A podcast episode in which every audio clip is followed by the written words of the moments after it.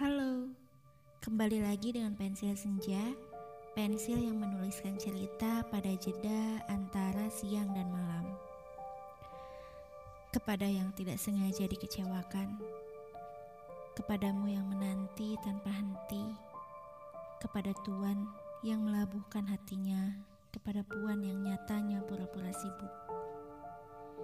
Kita sama-sama tahu bahwa dalam hidup ada prioritas jika saja Puan kini memiliki prioritas yang seakan menggebu dalam ego, percayalah bahwa prioritas bukan otoritas.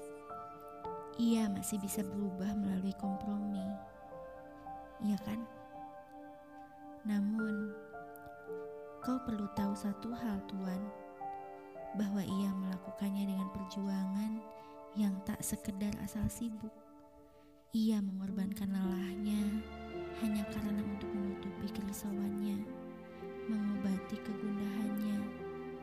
Maka, jika kau benar punya niat yang baik, luruskan.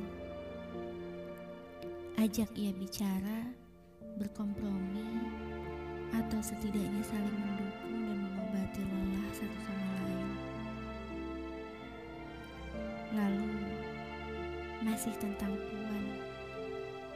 Jika kau melihat ia menggebu-gebu, seakan lupa kodrat, percayalah, ia pun memiliki kekhawatiran bahwa apa yang dilakukannya bisa membuat kau kecewa.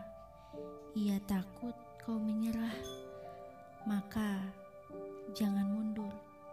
Menangkanlah ia dengan kelapanganmu. Ajak berkompromi untuk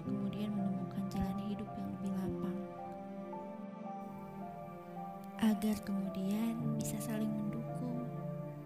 Iya, bisa mendukung satu sama lain untuk melakukan prioritasnya.